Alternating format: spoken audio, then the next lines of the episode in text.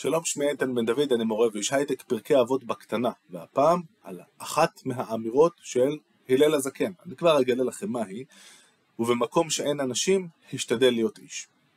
נתחיל אבל בכמה פרטים על אה, הלל הזקן, אז קודם כל מבחינת הזמנים, אה, נולד פלוס מינוס, מינוס 60 לספירה, מת פלוס מינוס 8 לספירה, עולה מבבל, אמנם הוא בן למשפחה מיוחסת, אבל הוא מאוד אה, עני, אבל עדיין הוא מאוד רוצה ללמוד תורה. יש אה, סצנה מפורסמת שבה אין לו את הכסף לשלם את הכסף שנדרש לשומר של בית המדרש כדי להיכנס, את הדמי כניסה, אז הוא עושה קומבינה ועולה ומהגג הוא מנסה לשמוע מהארובה מה, מה החכמים אומרים בפנים, אז החכמים רואים שאין שמש כמו שיש בדרך כלל, כי השמש נכנסת מהארובה, כי זה לא הארובה כמו שאנחנו מכירים אותה מסנטה קלאוס, בכל מקרה הם עולים ורואים אותו קבור מתחת לשלוש אמות של שלג, מורידים אותו, אומרים, ראוי זה שנחלל עליו את השבת, ולמרות שזו הייתה שבת, הם אה, מדליקים דוד, מים חמים, מחזירים אותו אה, לחיים מהקיפאון, ולאט לאט הוא תופס לו אה, של כבוד, והוא באמת אחת מדמויות המופת אה, של היהדות.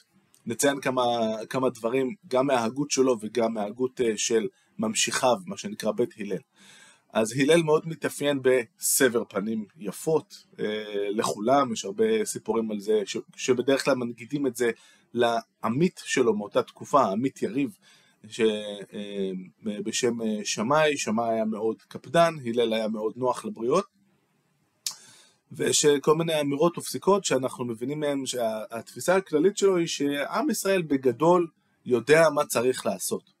כן, צריך אה, לשאוף לעשות את הדברים על הצד הטוב ביותר, אבל צריך לפתוח את השערים של המדרש לכולם, צריך שבית המדרש, כמובן שללמוד אה, צריך להיות בחינם, המטרה היא לא לייצר איזושהי אה, שכבה של אליטה של חכמים ושתהיה מול ונגד ההמון הנבער, וזה מאוד בניגוד לתפיסה של שמאי וממשיכיו, שדי נואשים אה, ממה, ממה שקורה ביום יום בעם ישראל, מנסים לבנות אה, שכבה קטנה ומצומצמת של חכמים עם הרבה החמרות, כי לא כל אחד יודע לעשות את ההלכה כמו שצריך, וזה בסדר, אה, כי ההלכה זה דבר נורא מסובך, אה, וצריך שהכל יהיה נורא דקדקני וחמור ועל הפרט הקטן ביותר, לעומת הלל וממשיכיו שהם הרבה יותר זורמים, כמו שהיינו אומרים היום.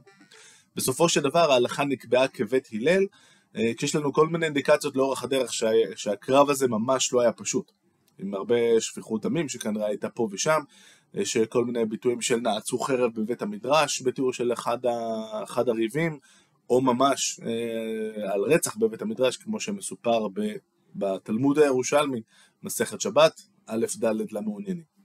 בכל מקרה, אה, נחזור לאמירה שלנו, יש הרבה אמירות בפרקי אבות שמובאות בשם אה, הלל הזקן.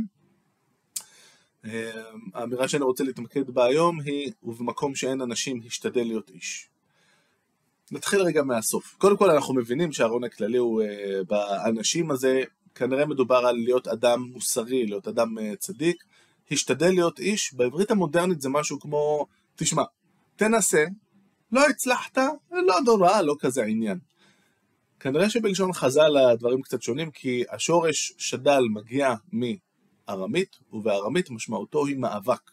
למשל התרגום הארמי, כמו שמביא הרמב"ם לפסוק אה, ויאבק איש עמו, בתיאור של הקרב של יעקב במלאך, אז ויאבק איש עמו, ויאבק מתורגם לב ושדל. אז יש פה מאבק, מאבק אה, פנימי שצריך לעשות, אתה צריך אה, לעשות מאבק כדי להצליח להיות איש גם בתנאים האלה. בואו נחשוב על זה רגע טיפה יותר לעומק, מה זה אומר ובמקום שאין אנשים ישתדל להיות איש?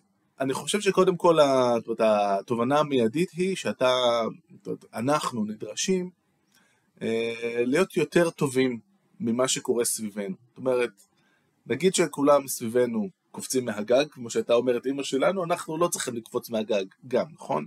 במילים אחרות, זה לא עוזר לאף אחד אם סביבך יש אנשים רעים וחטאים, אתה עדיין נדרש לא להיות אחד מהחבר'ה, אתה עדיין נדרש לעמוד בסטנדרטים. עכשיו, הסטנדרטים פה לא נורא מפורטים, זה להיות איש, ואני חושב שבמידה רבה זה יכול להיות בכוונה. זאת אומרת, זה לא היה תשתדל להיות אה, אחד שמקפיד על כל המצוות וכולי, זה השתדל להיות איש, שזה מונח שהוא קצת מעורפל. לי זה מיד מזכיר את בצלם אלוהים עשה את האדם, נכון? כאילו, אנחנו אה, נעשינו בצלם אלוהים, אנחנו צריכים לנהוג בדרך ש... תשקף או תכבד את אה, צלם אלוהי, אה, הצלם האלוהי הזה שנמצא בתוכנו. ואם אני חושב על זה עוד טיפה יותר לעומק, הרי מה המשמעות של להגיד על בן אדם שהוא מוסרי? בואו נגיד, אה, נדמיין רגע הערה שחיים ברובוטים, בסדר? וכולם כשיש אור אדום הם עוצרים בכביש, כשיש אור ירוק הם נוסעים, אף אחד לא מנסה לגנוב שום רמזור. שזה נחמד, כולם עומדים בכללים, אבל כאילו שום דבר פה הוא לא תוצאה של מוסר, נכון? כאילו זה פשוט התכנות שלהם, אין פה שום הכרעה. ואין פה שום מאבק, ואין פה שום בחירה לעמוד באיזשהו סטנדרט. אני חושב שהמשמעות הבסיסית שאנחנו נוטים לחשוב כשאנחנו חושבים על המושג מוסרי היא שהייתה לי בחירה לעשות משהו אחד, יכולתי, ולקצור איזשהו רווח, אבל החלטתי לוותר על הרווח שלי או להקטין אותו לטובת עמידה באיזשהו סטנדרט, שבדרך כלל נוגע ל... לגרום למישהו אחר אה, שיהיה לו קצת יותר טוב, או לעמוד באיזשהו אה, תקן התנהגות כללי, כמו שמירה על כבוד האדם וכולי. ולי זה נראה נורא מקושר לבצלם אלוהים עשה את האדם. לא את הכל אפשר לנמק, אבל זה בדיוק העניין. זאת אומרת, יש את הפעולה הרציונלית שאתה אמור לעשות, אותם רובוטים שעוצרים או לא באור אדום, ויש את הפעולה המוסרית שהיא בעיקר איזשהו קורבן שאתה מקריב את הרווח.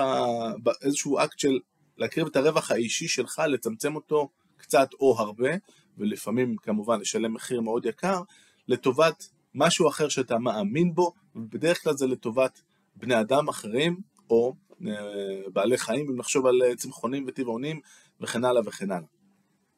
והדבר הזה, כשאנחנו חושבים על זה ככה, זה מאוד מסתדר עם התפיסה שלו, במקום שאין אנשים משתדל להיות איש. הרעיון הזה של לוותר על ה... לעשות בחירה של ויתור, של הקרבה, אם כולם סביבך עושים את זה, אז סבבה, זה נהדר, וגם אולי יהיה לך יותר קל כי גדלת בסביבה כזאת. אבל זה שלא גדלת בסביבה כזאת, או שאתה לא מצוי בסביבה כזאת, או שההורים שלך לא השקיעו בך מספיק וכן הלאה וכן הלאה, בסוף אומר הלל הזקן, עם כל האהבה שלי לאדם הפשוט והכל, והאליטות כן לא, בסוף זאת תביעה שמכוונת כלפיך, שמכוונת כלפינו, שמכוונת גם כלפיי. במקום שאין אנשים, משתדל להיות איש. אתה צריך לדעת, לעשות את המאבק הזה בתוכך, להגדיר מה הערכים החשובים בך, לבחור בהם מחדש, והלהיות איש כרוך בהקרבה מסוימת. כנראה שתמיד. עד כאן להפעם, להתראות.